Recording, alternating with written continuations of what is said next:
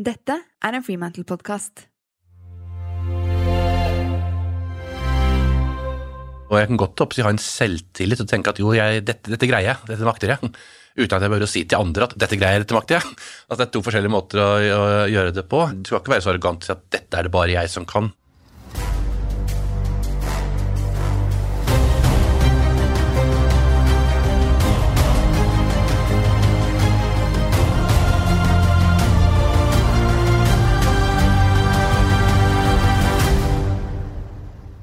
Jeg er mentaltrener Cecilie Ystenes Myhre, og i podkasten Grit skal jeg gi deg noe av hemmeligheten bak suksessen til ulike fremadstormende mennesker.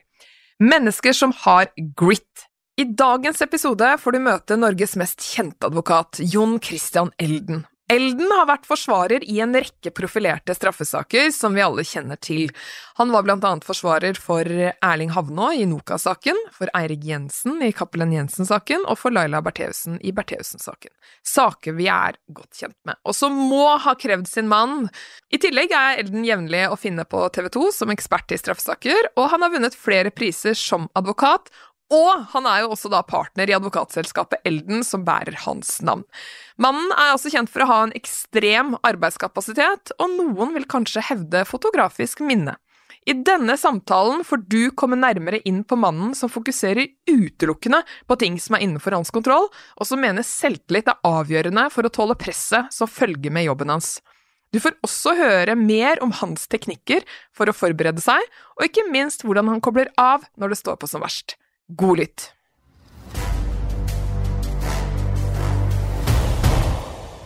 Velkommen til Grit podkast, Jon Christian. Takk skal du ha. Grit er jo evnen til å ha sånn en enorm arbeidskapasitet for å nå sine mål eller visjoner i livet. Og du jobber mye og hardt. Og da lurer jo jeg på hva er den underliggende årsaken til at du finner mening i å jobbe så mye? Det er veldig enkelt. Det er gøy å jobbe altså med det du jobber med. Eh, selv om du trives med det, det er forskjellig, det er ulikt hver eneste dag. Treffer nye mennesker. Med det jeg driver med, så jobber jeg jo med mennesker, eh, og for mennesker. Og det er på en måte nye problemer, nye problemstillinger, og så er det jo litt tilfredsstillende når du greier å løse noen av dem og få på en måte fornøyde klienter i andre enden. Vil du si at det er, det hovedvekt på noe av dette her? Er det først og fremst den der mestringen i problemløsnings delen av det, det tekniske, det juridiske, eller er det, som du sier, variasjonen, møtet med mennesker som er den største drivkraften? Det er nok åpenbart kombinasjonen. Ja. Jeg er sånn som ikke, jeg er ikke noe vanemenneske. Jeg vil ikke greie det å komme på jobb klokken åtte og gå klokken fire og drive med det samme hele tiden hver eneste dag. Det vil jeg ikke greie. Altså, noen syns det er helt perfekt, og ære være, men jeg skal ha forskjellige ting liksom inn hver dag. Og da er det variasjonen. Og Det betyr at noen dager så jobber jeg jo med rent oppsi juridiske problemstillinger. Jeg kan stå i Høyesterett og diskutere finjuss i en eller annen sak. Andre dager jobber jeg med spørsmål om en narkoman skal få til å bli løslatt igjen, eller plutselig ende i fengsel fordi han bruker narkotika. Det er to helt forskjellige problemstillinger. Begge er like tilfredsstillende å jobbe med, i hvert fall hvis man får et brukbart resultat. Ja.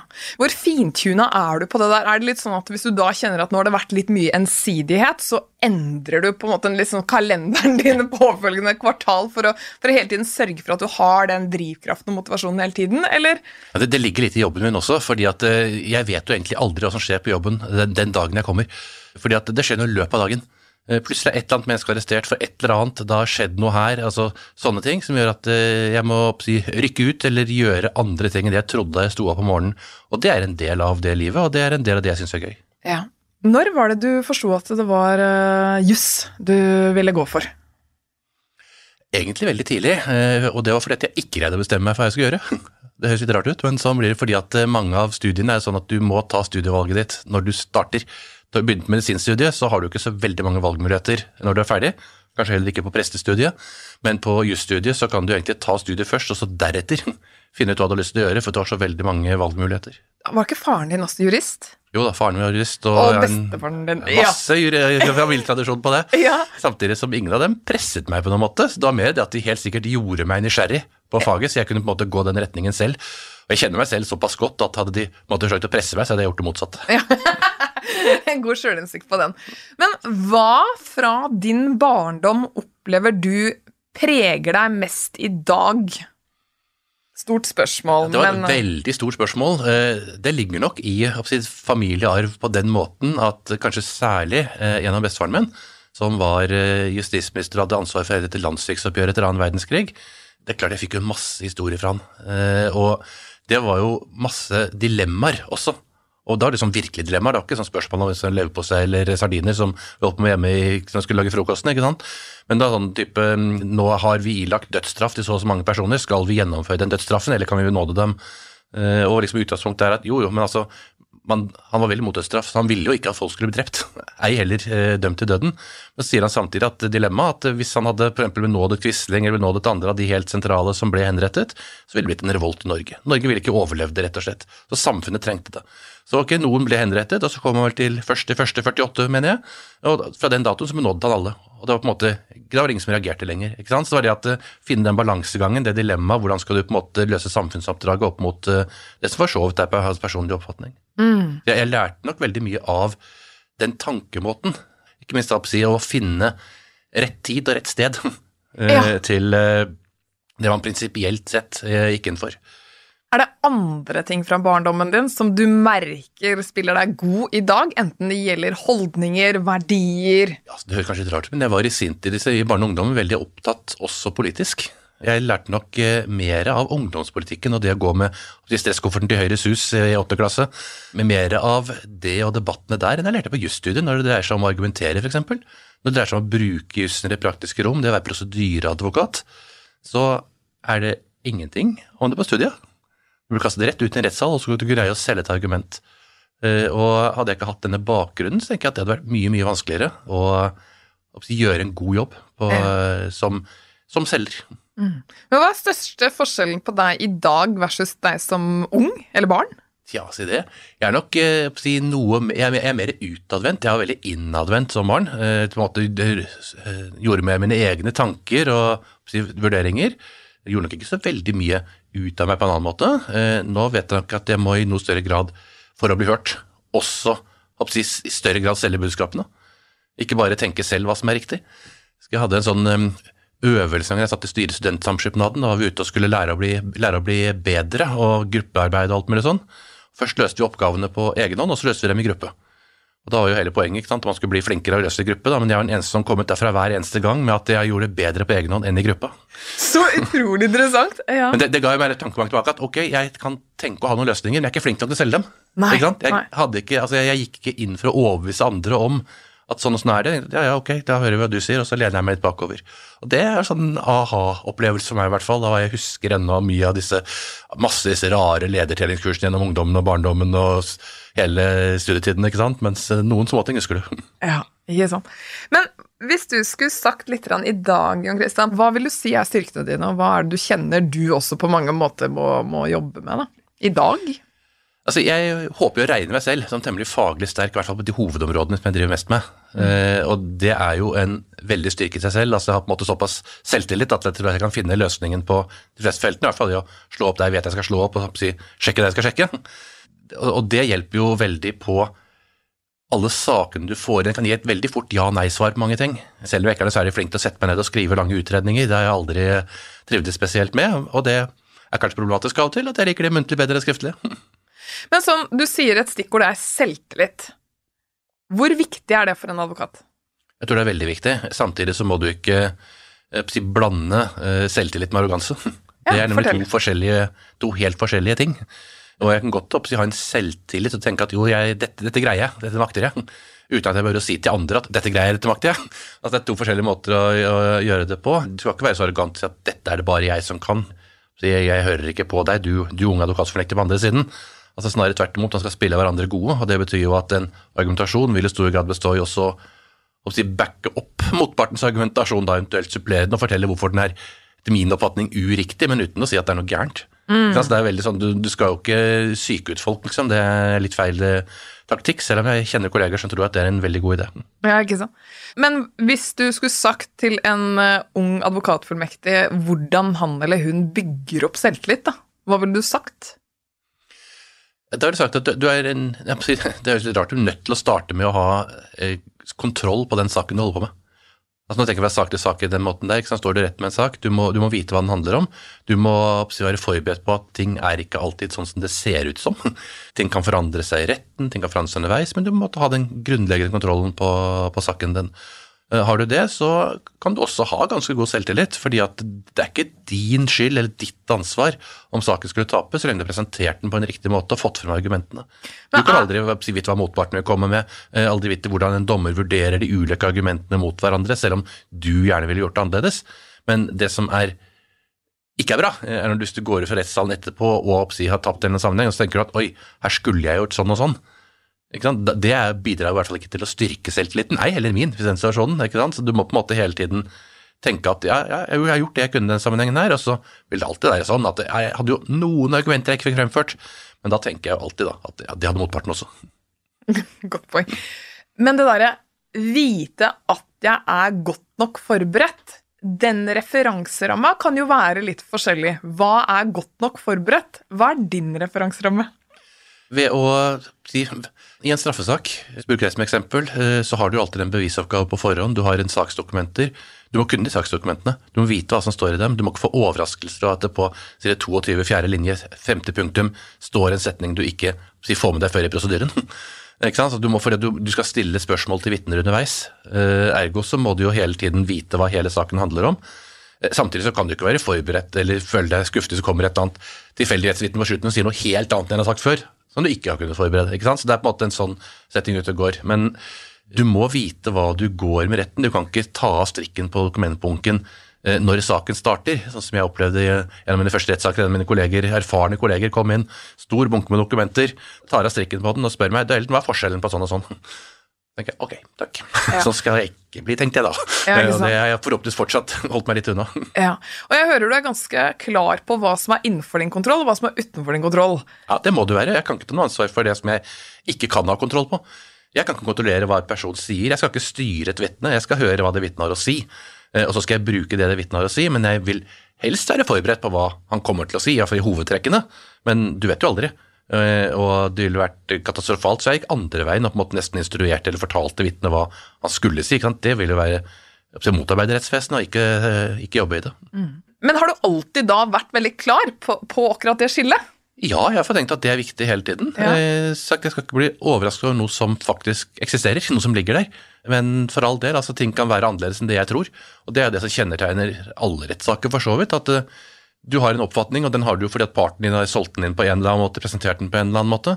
Og så viser det seg av og til at partens fremstilling ikke nødvendigvis er helt riktig. Enten bevisst eller ubevisst. Det kan være ting som han ikke visste om han heller. Eh, Eller det kan være ting som han har valgt å se på en annen måte fordi det passer bedre inn i hans bilde. Når man jobber hardt gjennom hele uka, er det desto viktigere å slappe av og lade gjennom helgen. En av de tingene som gir meg både energi og påfyll i helgen, er definitivt avis.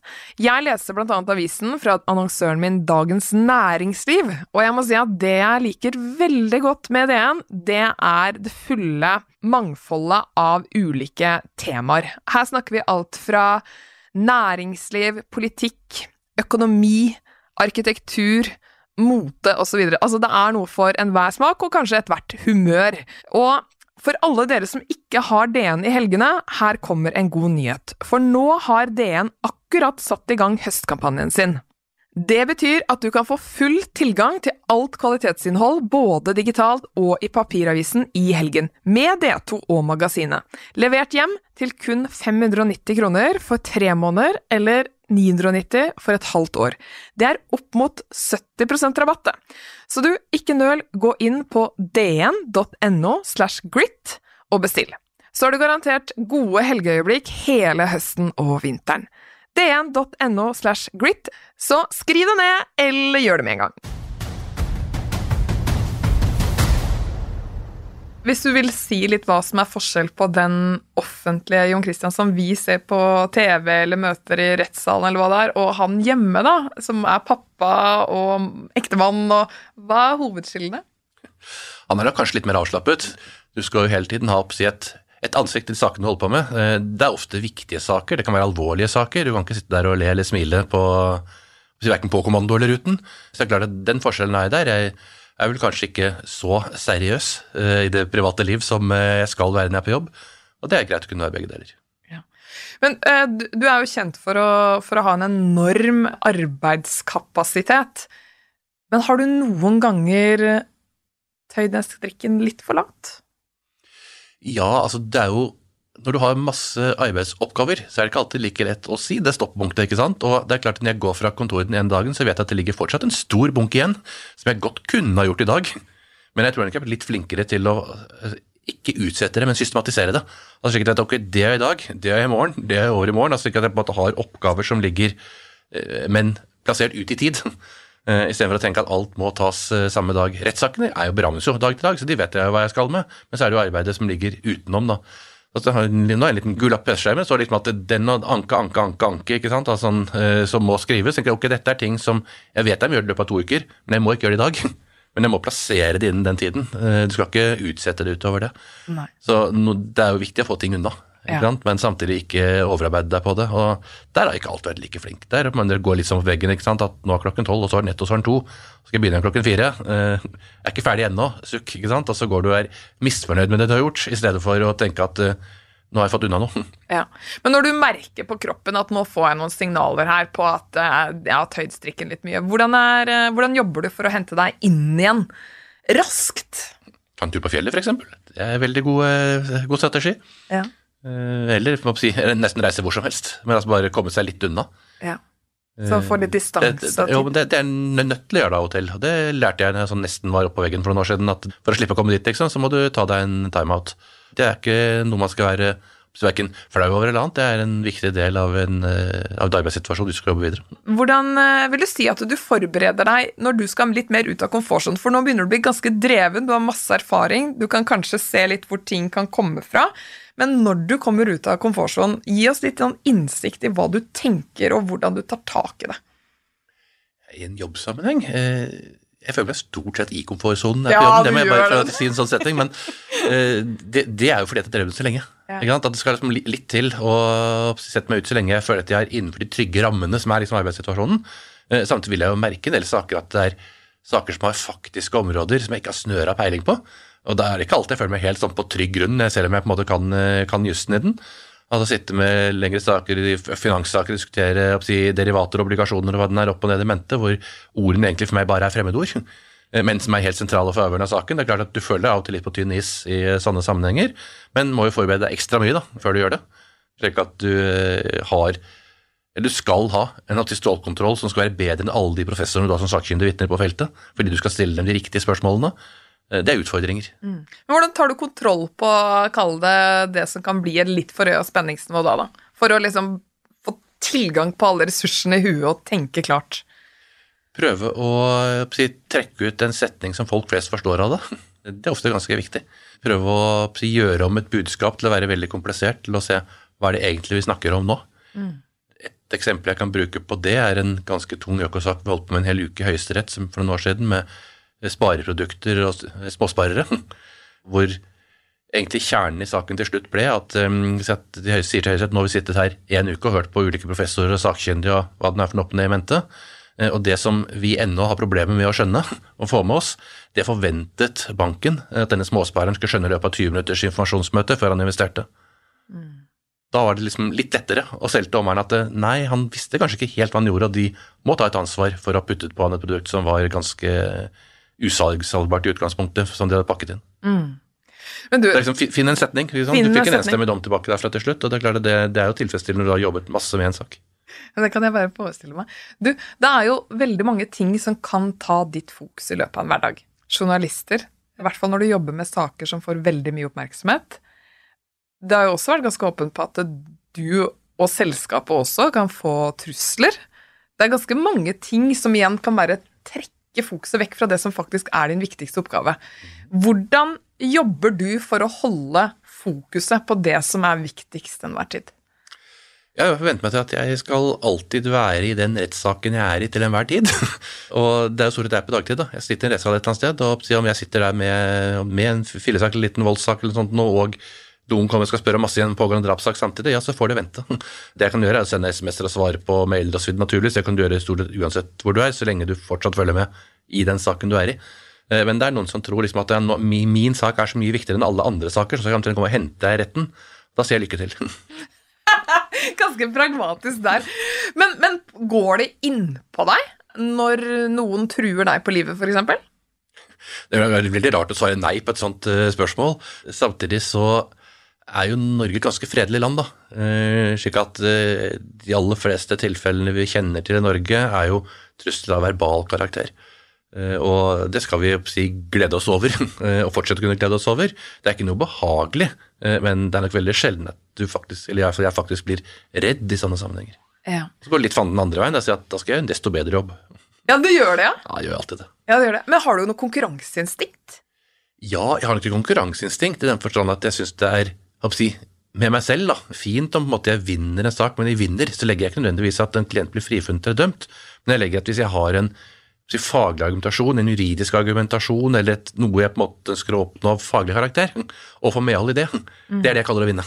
Ja. Eh, og da kan det godt være at saken tapes, og det kan godt være motsatt. Altså, det er liksom ikke der jeg legger det. Eh, jeg kan ikke spette champagneflaske om en person blir verken dømt eller frifunnet. for å si Det sånn. Det, det er helt andre omstendigheter. Det er et faktum som forhåpentligvis domstolen finner riktig, uansett om jeg er der eller ikke. Da går vi hele tiden tilbake til det som er innenfor din kontroll og ikke. Men du, jeg, jeg spør deg, altså Ryktene sier jo at du har et ganske sånn bra fotografisk minne, men da spør jeg deg, er det Christiane, eller er det bare det at du er innmari bra på fokus og er godt forberedt? Jeg tror nok at det er mest det siste. Eh, altså i hvert fall det jeg er opptatt av, som er jo at jeg skal være forberedt på det jeg går med til enhver tid. Eh, og det jeg har funnet ut, i hvert fall de siste årene, det er jo at når jeg er ferdig med en sak i retten, så forsvinner det ut igjen. Ergo så er det vel ikke klisterhjernen som da sitter der som lar det henge fast, i hvert fall. Eventuelt så har den fått sånn overload-error, at den er eh, fylt opp med det den kan være, som jeg bare dytter litt bort fortløpende for å få plass. Men eh, eh, jeg har informasjonen der så lenge jeg trenger den. Jeg kan sitte, altså Det kan nesten nuanser hvor lenge saken er også.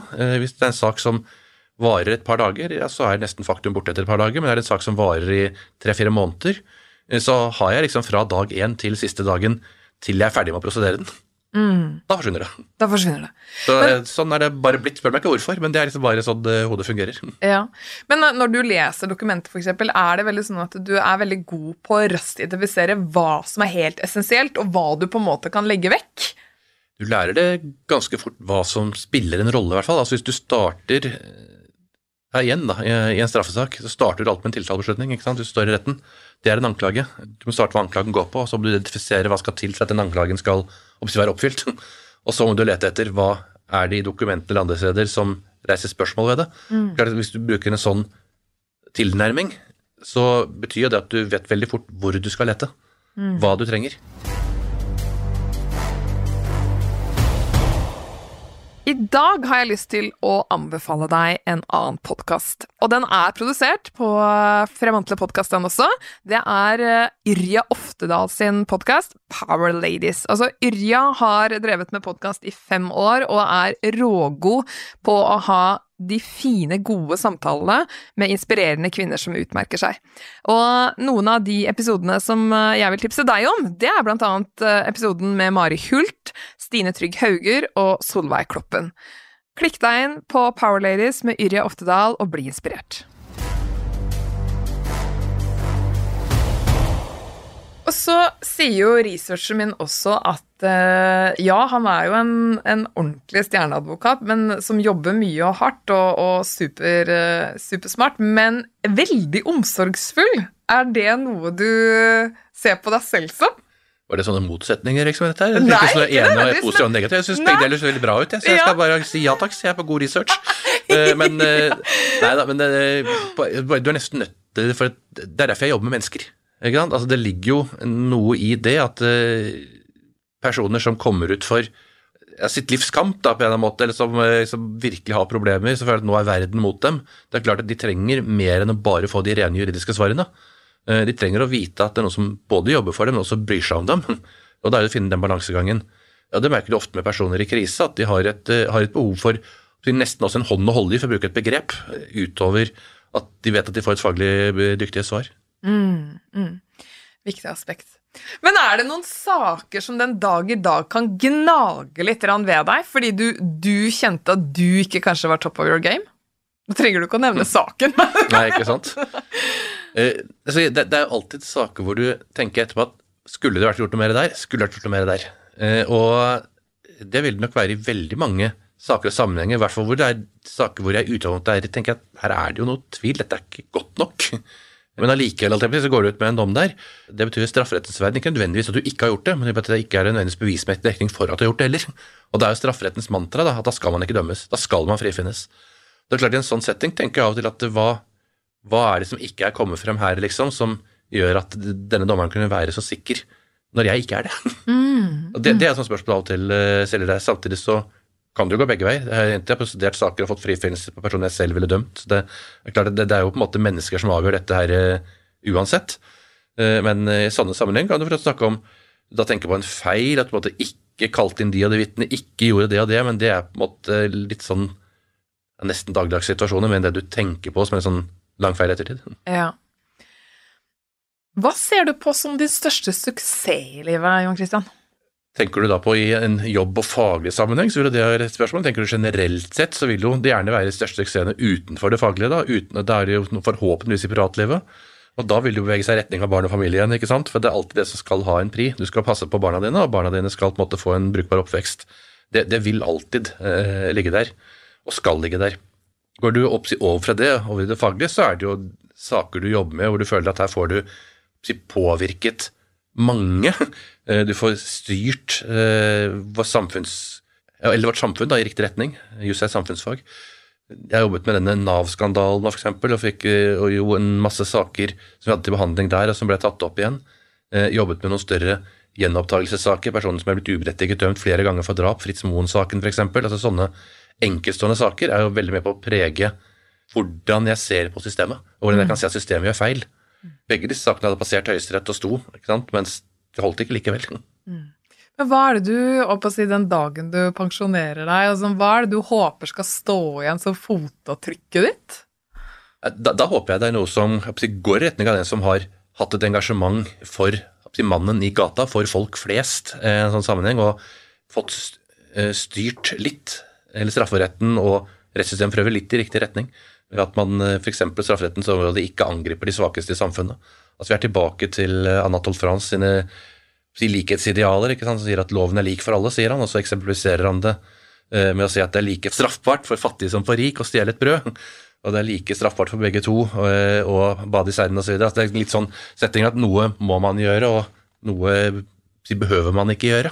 Mm. Du kan ikke snakke om at loven er lik i en sånn sammenheng. Nei.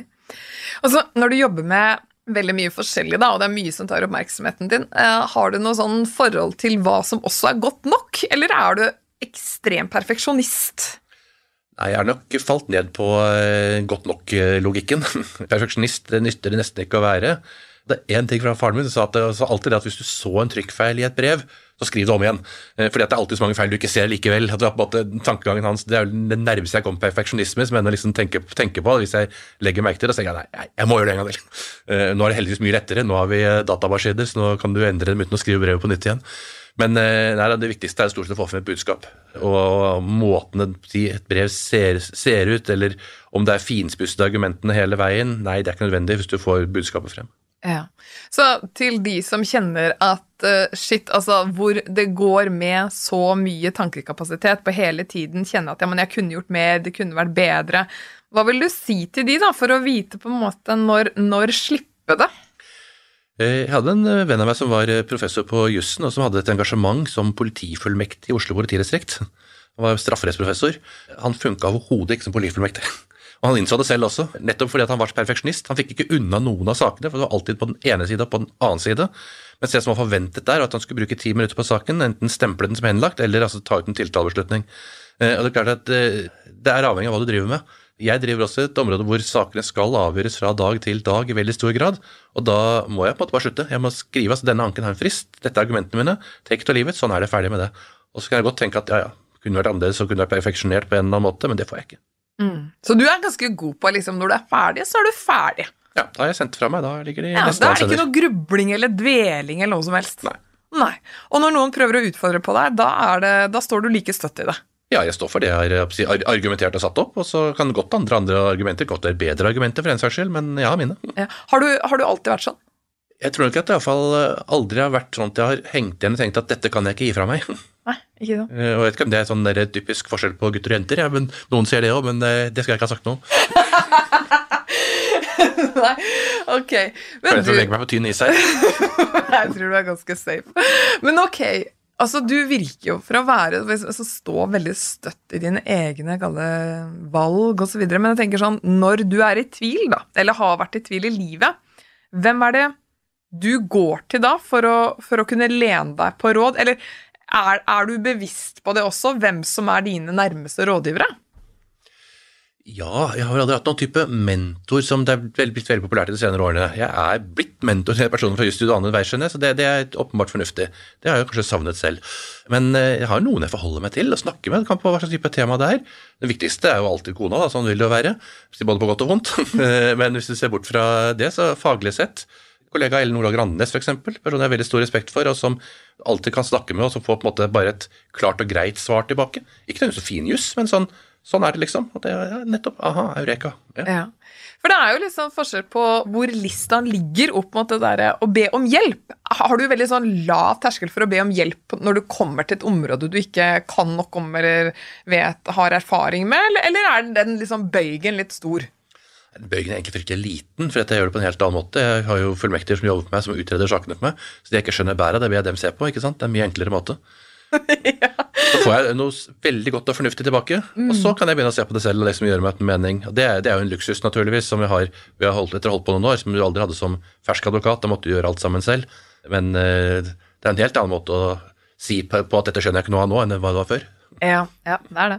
Men når det kommer da til kanskje andre områder i livet, da, fordi at eh, når vi snakker om juss, så er du i komfortsonen din hovedsakelig, men hvis vi går på andre områder i livet, er det sånn at du da Ja, hvem er det som får makten til å mene noe da, da, i ditt liv? Da jeg skulle kjøre opp og ta lappen som eh, 18-åring, fikk jeg spørsmål fra denne sensoren om at hvis en lampe lyste på panelet, hva jeg ville gjøre da, osv. Jeg fant at svaret var ganske, greit. at Da ville jeg stoppe bilen og ringe Falken. Det, hallo, men jeg, sto. Jeg beholdt, beholdt førerkortet, eller fikk førerkortet. At det var i og for seg et riktig svar, men det var ikke helt det han hadde forventet. Så bra. I oss mennesker så kan vi jo få litt ulike eh, reaksjoner når vi syns at ting blir litt ukomfortabelt. Det å bare kjenne at nei, nå slutter jeg jobben min, for jeg tror ikke jeg har det som skal til for å tåle det trøkket som er på, på toppen, er jo en av de. Eller det å rett og slett bare freeze litt, sitte litt stille og, og rett og slett ikke liksom fortsette. Det, sånn kan det jo skje i en, en sak også. Og da bare lurer jeg på, hva mener du skal til for å få den mentale styrken som må til for å være på det nivået du er? Det må du nok ha noen å snakke med også. Eh, Du må ha noen å diskutere saker med, ikke bare bli sittende med dem og tenke, tenke på deg sjøl. Det er ikke noe nederlag å gå til en psykiater, si sånn, å snakke med vedkommende eller ha en psykolog å forholde seg til, eller en kollega. God kollega. Mer enn si, godt nok en eh, sånn setting. Så du tenker det der å være åpen om det, få hjelp i en sånn setting og bygge det opp, kan være en god strategi?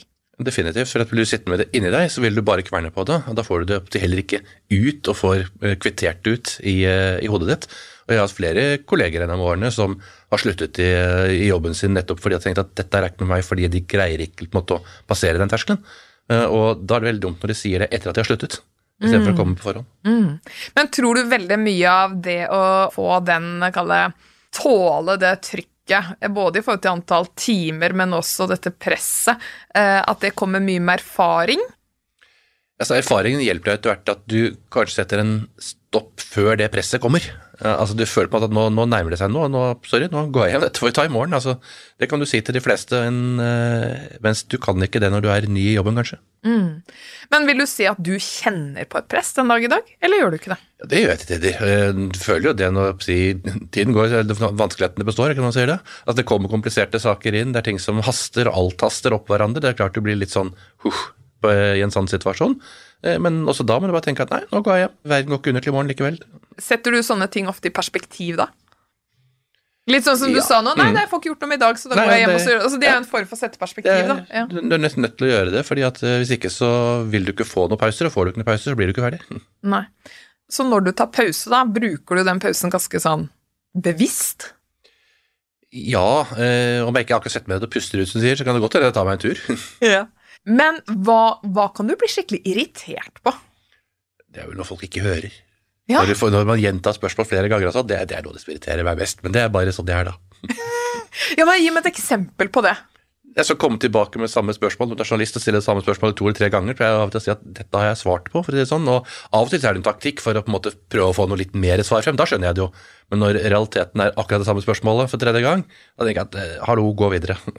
Ja. ja, men kan du tenke det samme hvis du får det av kollegaer? Ja, jeg kan tenke det samme i retten, og høre en, for eksempel da en motpart som holder prosedyre, og som kommer med måte Dette har du sagt før, du har sagt det to ganger før, du har sagt det tre ganger før. altså Tror du at vi andre er døvhørte, holdt jeg på å si, at vi ikke får med oss første gangen? altså Ja, det irriterer meg, ikke sant, når du er inne på irritasjonsmomenter. Da håper jeg at jeg ikke har stilt de samme spørsmålene. Jeg er ikke irritert ennå. ah, det er veldig bra. Du høres ikke ut.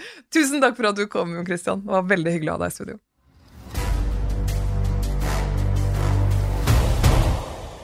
Sjelden har en samtale i Grit vært mer effektiv og to the point, og det her syns jeg var veldig gøy. Eh, Det jeg sitter igjen med etter samtalen med Ellen, er først og fremst to ting. Det ene er at han har et gjennomgående fokus på det som er innenfor hans kontroll, noe jeg tenker er ekstremt viktig i en rolle som hans, og veldig mange av dere lytteres. Ved at han gjør det, er han god på fokus, og riktig fokus gir selvtillit, som igjen er et veldig godt forsvar mot negativt stress. Det andre er at han er opptatt av å kuttere ut ting underveis for å få plass til nye inntrykk, og det er veldig mye god psykologi i det han sier der. Dersom du er en type som skal sitte på alt av bekymringer og grublerier selv, vil de ofte vokse. Husk at det er først når du setter ord på dine bekymringer og følelser, at hjernen endrer hvordan den håndterer stressende informasjon. Derfor er denne ukens øvelse også i samme gate. Du skal rett og slett identifisere en situasjon som du vet kanskje vil komme opp i de neste ukene frem til jul, som vil trigge negativ stress hos deg. Og nå på forhånd skal du bestemme deg for hvordan du kan sette ord på det som stresser deg tidligere enn du har gjort før. Og på den måten så trener du hjernen på å håndtere det mer konstruktivt. Og du, husk at det å sette ord på kan bety både å ta en samtale eller rett og slett bruke penn og papir. Lykke til!